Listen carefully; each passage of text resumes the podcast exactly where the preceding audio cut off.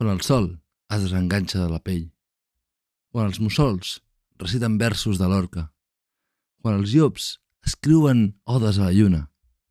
És a la negra nit on la bohèmia s'accentua. Te'n sé arribat amb ganes o per desventura, et convido a una birra amb molta espuma. I amb aquests quatre versos de mala fortuna, a nits de bohèmia, sigues benvingut o benvinguda. Bona nit i visca la bohèmia.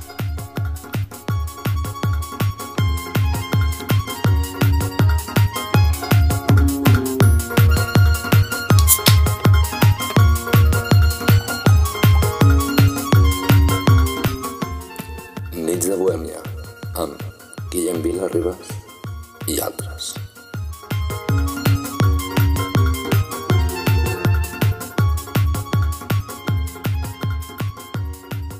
Mare meva, mare meva, ja estem aquí, ja estem aquí, el primer capítol de Nits de Bohèmia. S'ha fet una mica llarg, ho sé, perquè s'havia com d'acabar de formar les coses, acabar d'estructurar-ho, però bueno, ja estem aquí, ja estic aquí per començar amb moltes ganes i il·lusió aquest nou projecte, d'acord? I per començar, doncs, m'agradaria explicar mínimament de què anirà, com ho faré, de quins temes parlaré i a quin perfil de persones va dirigit. I per això he fet un escrit que ara us llegiré i després ja continuarem parlant del tema d'avui, que avui parlarem, després us explico més, sobre la constància, que és la constància dels nespres. D'acord.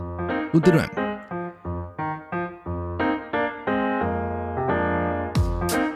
Aquest podcast va dirigit a totes aquelles persones que refugien en la matinada, que fan voltes al llit, dret esquerra, amunt i avall, i que finalment decideixen abraçar les nocturnes dèries i participar a l'acció de reflexionar i crear.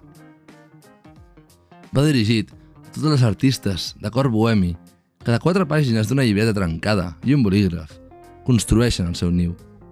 Aquelles que amb sis cordes i vuit tecles materialitzen el batec del seu cor. I també totes aquelles que viatgen per l'univers de l'abstracte, buscant-se a si mateixes. A totes aquestes persones, benvinguts i benvingudes a Nits de Bohèmia. No sé què esteu fent ara mateix, mentre m'esteu escoltant. Potser, potser esteu estirats al llit, mirant el sostre, potser fumant a la terrassa, o bé agafant el tren, el cotxe per anar a treballar o a estudiar. Però, sí el que sigui, gràcies per estar aquí. Us deveu preguntar qui sóc. Així que em presento.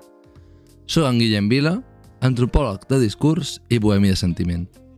Em precipito ràpidament cap al final del meu grau, cap al buit existencial del món adult, i no puc negar que estic bastant perdut ara mateix. És per tot això que he decidit iniciar aquest projecte, en el qual intentaré abocar tot el que tinc atrapat als meus intestins, com si una serp es tractés, i jo, la seva presa. I no em interpreteu, ja sé que la pedanteria no està gaire de moda, que ja no existeixen aquests clubs bohemis de literats britànics i francesos que existien al segle XIX i segle XX, en el qual doncs podíem parlar i reflexionar de les coses. Sé que no existeixen, però és com una mica aquesta mm, visió romàntica de la vida que m'agrada, no? Aquest, aquesta um, lluita campal dialectal on guanyava qui millor sabia raonar i, i el millor discurs, no? Malgrat tot, em ve de gust que entre nosaltres existeixi aquesta connexió vital de potència creativa i reflexiva. Així doncs, en aquests capítols aniré parlant sobre temàtiques que ens podien incidir a nosaltres com a joves, però també al llarg de la nostra vida. Parlarem de l'amor, de la senzillesa dels petits instants, de la vitalitat de l'existència, de les expectatives, de fer-se gran, de la música, de la potencialitat creativa i, bueno, molts altres temes. Això, com he comentat anteriorment, des dels meus prismàtics d'antropòleg, que cerquen la raó, i el meu cor bohemi, que parla amb metàfores. I per començar, el dia d'avui, parlaré d'un dels majors obstacles que tinc en aquest projecte. Com he comentat anteriorment, avui parlarem de la constància.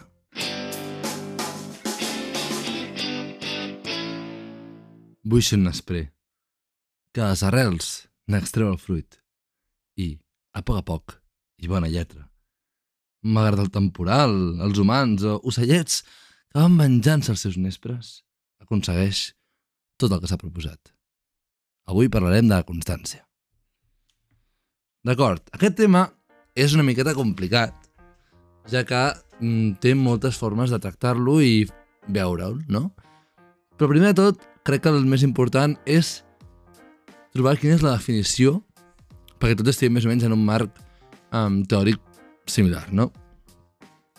Primer de tot, el diccionari.cat trobo que és una font bastant objectiva, no ho sé, uh, el defineix com a qualitat de constant, aquesta fermesa infrangible, com per exemple estudiar amb constància. Serà una miqueta pobra la definició, vull dir, és bastant reiterativa. Òbviament, és la qualitat de ser constant. Jo li podria definir també com aquell atribut necessari quan vols realitzar una, qualsevol empresa, projecte i tens un objectiu clar a on vols anar, doncs la constància, així és com jo l'entenc. Vale? I doncs, eh, aquesta idea vol una mica al voltant d'una dualitat que he vist, que com detectat, que les persones tenen i que a vegades una persona pot tenir les dues, depèn del context, o hi ha persones que tendeixen més a una o a altra. Estic parlant de la, aquesta, la dualitat de persones que són reactives i passionals i les persones d'ordre i de categorització. Em foco primer amb les primeres. Aquestes persones, per mi, doncs les, catalogo com aquelles persones, com els artistes, no tots, però molts artistes, molts um, les persones que viuen de la part creativa, que són una mica caòtiques, desordenades, que no pensen en un... que es fan moltes il·lusions d'un futur, però no visualitzen el camí cap a aquest futur, sinó si veuen ja en aquell futur, no? Les coses positives que poden tenir aquestes persones són aquesta motivació, aquesta adrenalina en fer les coses, el que crea és que a vegades es creïn coses espectaculars, no? Um, que siguin supercreatives, que siguin super magnètiques, perquè el discurs de dintre, no? És molt més um, un automatisme, més com tot el, el, tot el surrealisme, tot allò que et surt de dintre i que ho has d'exterioritzar d'alguna forma i que és més um, explosiu, no? Però clar, tampoc pot ser així tot el rato. I més a la societat que vivim, que ens demana ordre i, i, ser doncs, més passius a, a, rebre la informació, no? I doncs hi ha altres persones, continuo dient, hi ha persones que tenen les dues coses i depèn del context, eh? però hi ha persones que tendeixen més a una que a l'altra. Hi ha les persones més d'ordre, que he catalogat jo, i que són aquelles persones que necessiten tenir tot ordenat, catalogat i estructurat a 5 mesos vista, o menys, però ja m'enteneu. I què diria aquestes persones? Vale. Primer de tot, són persones a les quals, um, entrant en el tema d'avui, són molt més constants, crec. Per exemple, tens un examen que és d'aquí una setmana, d'aquí dos... No, què dic, una setmana, d'aquí un mes, doncs ja es planifiquen tota la, tota la setmana, totes les setmanes, que, quines tasques faran per arribar a, a l'objectiu que volen d'aquell mes, no? El defecte que jo trobo és són persones que a vegades els hi costa, ser const... eh, els hi costa im improvisar i ser adaptatius. Són persones que a la que troben un, un problema potser es poden frustrar perquè no han complert les expectatives que tenien organitzades. En canvi, una persona de passió i ordre pot tenir expectatives que potser són molt grandiloquents, no? molt grans, però potser no es, es decepcionarà tan ràpid si una setmana no fa res, no? Potser. Jo, amb què em catalog podria catalogar? Jo crec que puc arribar a ser molt passional, en sentit de, per exemple, quan més vull fer, com aquest, en aquest cas, aquest projecte, quan això, doncs, tinc aquesta passió, aquestes ganes, però el problema d'aquestes ganes és que cansen, i doncs et cremes, i, i ja no arribes a més, i doncs ja ho vols deixar estar, i ja no arribes a més. Per això és un obstacle per mi la constància. Perquè, per exemple, fer aquest podcast d'avui, doncs he hagut de fer moltes coses fins a arribar al que esteu escoltant ara. No és només ficar-s'hi un dia que estàs super inspirat i, i, i tiramilles. No, has de fer-ho amb un cert ordre, malgrat dins el caos, no? Pots, perquè a vegades el caos també és molt divertit i t'ho pots passar molt bé però també ho has de saber categoritzar, i doncs també si jo vull que sigui un podcast que duri en el temps, i que no sigui una, no sé, una xispa que m'ha vingut ara, una, una espurna que m'ha vingut ara, doncs requereix constància. bueno. No dic que no requereixi, que també requereix um, motivació i ganes, perquè si no es pot tornar això superavorrit, però sí que crec que he de trobar la manera no, de trobar aquest equilibri i balança. No sé de quines personalitats us sentiu més còmodes. Jo, jo visualitzo moltes persones del meu entorn si són més passionals o són més d'ordre, no? Al cau um, tenim una categoria d'això, de les persones d'ordre, que són les persones llibreta, em sembla molt bé com a concepte, persona llibreta, que necessita tenir tot, tot apuntat a la llibreta i tal, i, bueno, i que és interessant, no? Què dir també? Crec que moltes vegades les persones que són passionals també, si hem volgut fer altres projectes, ens hem creat un mètode per simular que som ordenats. És a dir, potser no ho som, però jo tinc una aplicació per la, la, la, la universitat en la qual em diu, vaig apuntar-me totes les coses que he de fer i em diu cada setmana totes les coses que tinc a la setmana i puc anar marcant tot el que no he fet, tot el que he fet i això m'ajuda a ser ordenat. No? És a dir, potser els que no som ordenats ja d'inici, doncs hem hagut de trobar mecanismes per ser-ho. I, I ara em, em mullaré més i també diré que per això a, a vegades molts grups artístics que tendeixen a tenir moltes persones del mateix perfil, d'aquest perfil creatiu, passional, a vegades falla. Falla perquè es necessiten aquests dos rols i altres també, eh? no dic que no existeixin altres també, però requereixen aquests rols. Perquè si no, pot estar tot molt descompensat. Si tothom és molt creatiu i que... Um, però de... Com dir-ne, no? De, em surt en castellà, però amb una llei, amb, amb una metxa molt curta, no sé si català la metxa és correcte, és igual. Perquè pots tenir una flama molt gran, però si la metxa és molt curta, se t'acaba cremant en poc temps. I doncs si fas una flama més petita, però la pots mantenir més en el temps, també és molt important. No? I doncs jo crec que és important aquestes espurnes creatives, però a la vegada també que siguin consistents en el temps. Això jo ho he pogut visualitzar també en molts altres exemples. Per exemple, mmm, com poden ser l'esport. L'esport és una cosa que he tingut una mica creuada tota la meva vida. No perquè no m'agradi, perquè trobo que quan ho faig em sento molt bé, allibera endorfines i no sé, saps? És passional. Però a la vegada sí que em, em costa molt anar-hi sovint, ser constant, no? Perquè prioritzo altres coses, al final. He anat canviant d'esport, no m'ha agradat cap, i últimament amb la universitat doncs anava al gimnàs de la, al SAF, alguns potser ho coneixeu, i bé, sí, estàs allà i quan hi vas estàs supermotivat, estàs dues setmanes motivadíssim, anant, anant, anant, anant. Ai, és que ara tinc no sé què, ara tinc un examen, ara estic treballant... bueno, coses que s'han de fer, no?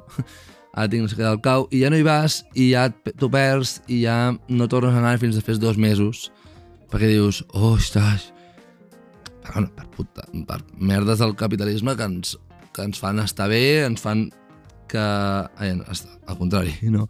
que ens fan veure'ns malament i tenir com el nostre, un prejudici propi per no estar prou fibrat, prou marcat, prou el que sigui, com estan els altres, no? per no ser cultures gregues. Això en el cas de, dels homes, amb, amb, amb les dones encara és pitjor. Però és això, no? que com que ens ho marquen tant, a vegades costa no anar al gimnàs. Perquè doncs et sents malament perquè no hi vas i tens la culpa, la culpa cristiana que, que t'obliga, no? bueno, això, doncs, la constància a vegades um, et pot permetre no, ser constant, doncs, anar-hi més, però no, però no anar-hi per la voluntat d'estar més en forma i sentir la culpa si no hi vas, sinó perquè vols anar-hi. Jo crec que les persones que hi van al gimnàs per desalliberar-se d'estrès o coses així, aquests sí que deuen ser més constants, perquè al final no ho fan per un objectiu material, en part suposo també, però no fan per aquest objectiu, sinó fan més per un objectiu psicològic, com d'ajuda, no? Altres exemples poden ser llegir un llibre. Jo abans era molt lector, molt lector, molt lector, quan era petit, i cada cop més doncs, ho he deixat bastant de banda. I em costa concentrar-me a la lectura i estar allà, estar amb el mateix llibre molt temps, vaig estar, bueno, fa poc, quan quasi farà un mes ja, quan es publiqui aquest podcast, que va ser Sant Jordi, i jo m'ho vaig passar molt bé, jo estava allà a la... sol, però estava per les firetes de, de Mataró de llibres de Santana, mirant-los, llegint-los, decidint, vaig estar molta estona decidint quin llibre comprar-me, me vaig comprar, també pels meus pares i tal. Arriba a casa, els primers dies me començo a llegir, me començo a llegir i ja ni me'n recordo de què anava la trama. És que, clar, així no es pot, així no es pot fer res. Així no podem viure. I és per això que també, no, doncs, la constància... Depèn de com ho visquis, és important. No, no ho has de viure com una, un trauma, no? De, si no ho faig, m'he sentit malament, però sí com un seguiment, complir com un seguiment, no sé. Jo crec que la constància és viable quan tens una obligació a fer-ho. Si no tens una, uns terminis, doncs pot costar més, jo crec. Beure una mica de birra. Us convido a consumir la beguda que vosaltres considereu oportuna ara mateix. Si podeu, òbviament, si no, no. I, clar, també vull parlar del tema de les expectatives que ens podem crear quan tu et vas fent gran, bueno, al llarg de la vida tens moltes expectatives. Tens expectatives de què seré de gran, expectatives de acabar la carrera, d'acabar um, el carnet de conduir, títol de director, el que sigui. Cadascú té les seves expectatives els seus objectius. No? I doncs et marques com mentalment, o qui, qui vol fer-ho els llibreta, doncs apuntant-s'ho, quin és el camí que has de traçar per arribar a aquest aquesta meta, aquest objectiu, aquesta expectativa que t'has creat. I a vegades costa molt visualitzar quin és el camí, perquè pots perdre, potser hi ha moltes, mm, moltes plantes que et tapen el camí, potser ha, ha, ha hagut un temporal, una tempesta i et tapa el camí, doncs no pots veure per on has d'anar i et sents perdut i, i dius, ah, sé que vull però no sé com arribar-hi, no? I hi ha diverses opcions. Et pots deixar guiar pels altres, i, i sentir-te acompanyat. Pots agafar una daga com, com si fossis els d'Indiana Jones i fer-te tot el camí mm, i anar obrint camí, no? O pots parar-te a reflexionar i intentar veure des d'una expectativa més holística, no? Alçar el vol, tornar a mirar quins són els seus objectius i si no és viable, doncs redirigir-lo una mica i no passa res, no?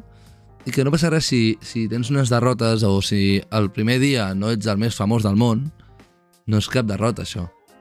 Perquè és pas a pas. I és per això que, juntant-ho tot, avui volia parlar de la constància dels, dels Nespress. A casa tinc uns Nespress i aquests dies que està plovent doncs, estan sorgint encara més. M'alegro perquè estan molt verds últimament. Bueno, un Nespress, un arbre, que com si fos una mena d'albercocs, però no del tot, que fa un fruit, vale? que eh, és com primer no hi ha res, òbviament, després és verd, després és groc, després és taronja i després ja marronós i ja es podreix i cau al terra. Vale? Dintre hi ha la llavor i dintre les llavors doncs, poden sorgir nous nesprers, com qualsevol arbre fruiter, no? I doncs això un dia, quan estava escrivint aquest, per fer aquest podcast, doncs em va fer reflexionar sobre els processos i els objectius de, de, que tenim, no? Aquest Nespré, si a ple gener li haguessis dit que ara, al maig, tindria un fruit tan gran com és, com és actualment, ell no s'ho hagués cregut i no sabria per on tirar. Però, en canvi, cada dia, cada dia, cada dia, ha anat fent una miqueta i ha anat fent que el fruit anés creixent, anés creixent, anés creixent malgrat que a vegades un humà doncs, li agafava i algun dels fruits i doncs, el, la llavor llançava la brossa, o malgrat algun ocellet algun dia picava en el nespre i... però és indiferent perquè doncs va fent diferents branques diferents opcions per arribar al seu objectiu potser en el primer camí no ho resoldrà però ho farà en el següent però és constant és un, un, un... és viure la vida no? amb un objectiu clar i ser ferm amb, amb la decisió que has pres. No sé, em, em va semblar un molt, molt bon exemple, que potser és una flipada que m'he fet jo a nivell que surrealista, però trobo que és un molt bon exemple aquesta com pausa natural. M'agrada com a concepte, no? La pausa natural. És un espai que no està esperat, perquè els arbres, malgrat els veiem parats, no estan parats mai, sempre estan en constant creixement, com qualsevol um, planta, no? Però sí que um, des de fora es veu no? com una pausa natural, com un espai de tranquil·litat, que les coses van a un temps diferent al nostre, que estem acostumats a que tot sigui tan ràpid, tot, mm, que volem les coses ja. I això no és viable, no és viable. Per això necessitem una tranquil·litat i de fer les coses amb, amb lògica, amb sentit. I si no funcionen, saber-nos adaptar i fer una nova branca que arribi més amunt cap al sol i doncs el fruit surti més bo i pugui arribar al seu objectiu, no? Aquesta era una mica com la reflexió que volia tractar avui. De... Tant intent... Tampoc intenta que les coses surtin el primer dia bé, ni tampoc intent pensar que si tot, si tot ho compleixo com toca, sortirà bé, perquè sempre hi ha problemes. I s'ha de saber adaptar, però a la vegada ser constant, no? Doncs treballar amb les dues, amb aquesta dualitat, les dues vertents de la dualitat. Treballar amb les dues, amb, amb els dos punts negatius de cada dualitat i trobar-ne un, un punt, no? Us dic ara, això no, no com a mandamiento ni res d'això, ni dogma, perquè jo també em fallo amb això, és un dels objectius meus també, jo hi fallo molt amb això. Al final, tinc una, una tramesa que he de fer, em ratllo molt, no la faig, i l'últim dia em veus a mi fent-la, que potser després tinc bona nota, i tinc l'objectiu que jo volia treure, que era bona nota. Però el procés m'he estressat molt més del compte, no? Però bueno, això que té els mussols nocturns, no? Que fem les coses a la matinada. No sé si us passa o no, però, però no sé. És això la reflexió que volia parlar avui. Crec que ha quedat bastant bé. I doncs les conclusions que vull dir és ser conscient que quan realitzem un projecte i que perquè funcioni, doncs es, necessitem ser constants, ser ferms en la decisió i a la vegada ser adaptatius, no? I canviant una mica de secció, cada dia farem una secció, ¿vale? Avui serà diferent, intentaré doncs convidar algunes persones per fer diferents temes com poden ser mm, parlar de la música que han tret, parlar de... algú m'ha comentat de cotilleos, jo què sé, qualsevol cosa que voleu proposar-me, doncs em sembla superbé com a secció, que serà com un espai en el qual doncs, podem tenir una conversa. Pot ser més llarga o més curta, depenent del tema que tractarem el dia d'avui, o el, el dia que sigui. Però us donaré com aquest espai. Avui a la secció, com que és el primer cop i volia com explicar-vos jo bé, doncs us he preguntat per xarxes, que si no em seguiu doncs és Nits de Bohèmia, em podeu seguir allà, en la qual en cada capítol també aniré preguntant una mica doncs què en penseu del tema de que sortirà, no?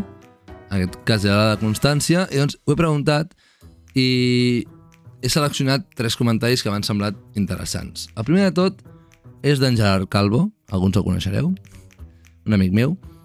Bueno, tots són amics i amigues, amigues i amics meus, però bueno, això. De moment, òbviament, perquè tampoc em coneixeu altres persones, però això.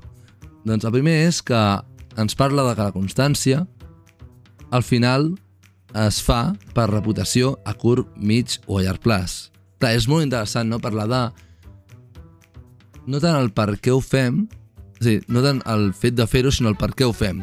Ho fem per reputació. Clar, és complicat, eh? Jo crec que sí, en part, ho fem perquè els altres ens tinguin amb... ens vegin amb bons ulls, però jo crec que també hi ha molts objectius que a vegades ho fem per nosaltres, no? se'm fa molt complicat pensar que cap objectiu el fem pels altres. És a dir, que tots els objectius els fem pels altres i no cap el fem per nosaltres.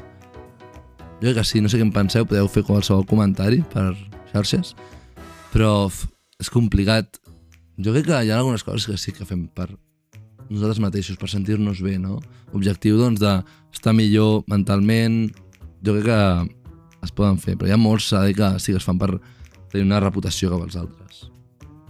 Després, l'Alba Solves, una amiga recent, però que em cau molt bé, m'ha dit que um, jo no sé què és la constància perquè sóc proc uh, procrastinadora nata. El tema de procrastinar trobo que és un concepte molt capitalista i molt productivista. En plan, no cal estar tota l'estona produint alguna cosa. I us dic jo que quan m'avorreixo faig un podcast, però, però sí que és veritat que ens, ens obliguen no, a aquesta mm, percepció de, de que hem de fer les coses perquè hem de fer les coses i, i si no estàs fent res, estàs estirada al llit o al sofà, ho estàs fent malament. Què estàs fent, saps? T'has passat mm, tota la tarda mirant TikToks. No sóc molt fan del TikTok, però... I què? Vull dir, deixeu la gent fer. Òbviament, si llegeixes un llibre, doncs, és molt més intel·lectual, que és molt més bé, reputació, el que deia en Gerard Calvo. Però tampoc passa res, no passa res si no ho fas.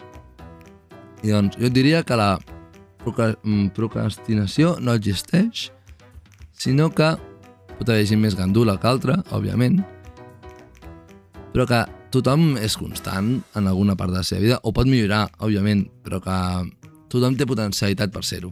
I després hi ha la Noa Luceño, feia molt que no parlava amb ella, espero que algun dia vingui, perquè és una persona molt interessant, el rest també, eh? no dic que no, que m'ha fet un textazo, s'ha de dir, i us el llegeixo. És a dir, que sense constància, jo igual no hagués estat on estic ara. És una qualitat positiva. Tot i fer una parada i descansar no significa que no sigui això constància, el que comentàvem abans. I el de les expectatives, si et refereixes a idealitzar una meta o com imaginem com serà, doncs a veure, és un temazo. Però evidentment millor anar sense expectatives per no endur-te cap sorpresa o esperar alguna que potser et pot um, frustrar. És difícil controlar-ho. Ja. Però si no ens marquem expectatives a la vida, per què la vivim? És a dir, jo sóc una persona molt romàntica, idealitzadora, que amb... això no vol dir, romàntic no vol dir que busqui l'amor constantment i que vulgui donar-ho tot per, per estar amb algú altre. No vol dir això. Romàntic vol dir que pot idealitzar una mica la seva vida. I doncs, jo sí que em plantejo objectius de futur, no? De, hòstia, doncs m'agradaria fer això i doncs per això m'he de marcar, doncs necessito el carnet de cotxe, si vull fer això doncs necessito acabar la carrera, si vull fer això doncs necessito, jo què sé, com marcar-me uns, ob uns objectius a curt termini per arribar a una expectativa a futur. Jo crec que les expectatives no són dolentes, s'han de controlar i, i, i, han de, i han de ser realistes dins del que cap. Pot tenir expectatives molt grandiloquents, òbviament, però les que funcionaran són les que són més, a més realistes. No dic curt pas perquè pot ser, ser a llarg termini, no? Doncs vull arribar a ser un antropòleg amb rellevància. Perfecte. Pot ser realista, pot arribar a ser-ho no estic dient tampoc de mm, vull canviar el món, no? No, però això pot arribar a ser algun moment. Però, bueno, doncs pas a pas, objectius més curts, doncs ara vull acabar la carrera primer de tot, no? Doncs això. I, i trobo que és un bon tema, però que les expectatives jo crec que sí que són necessàries.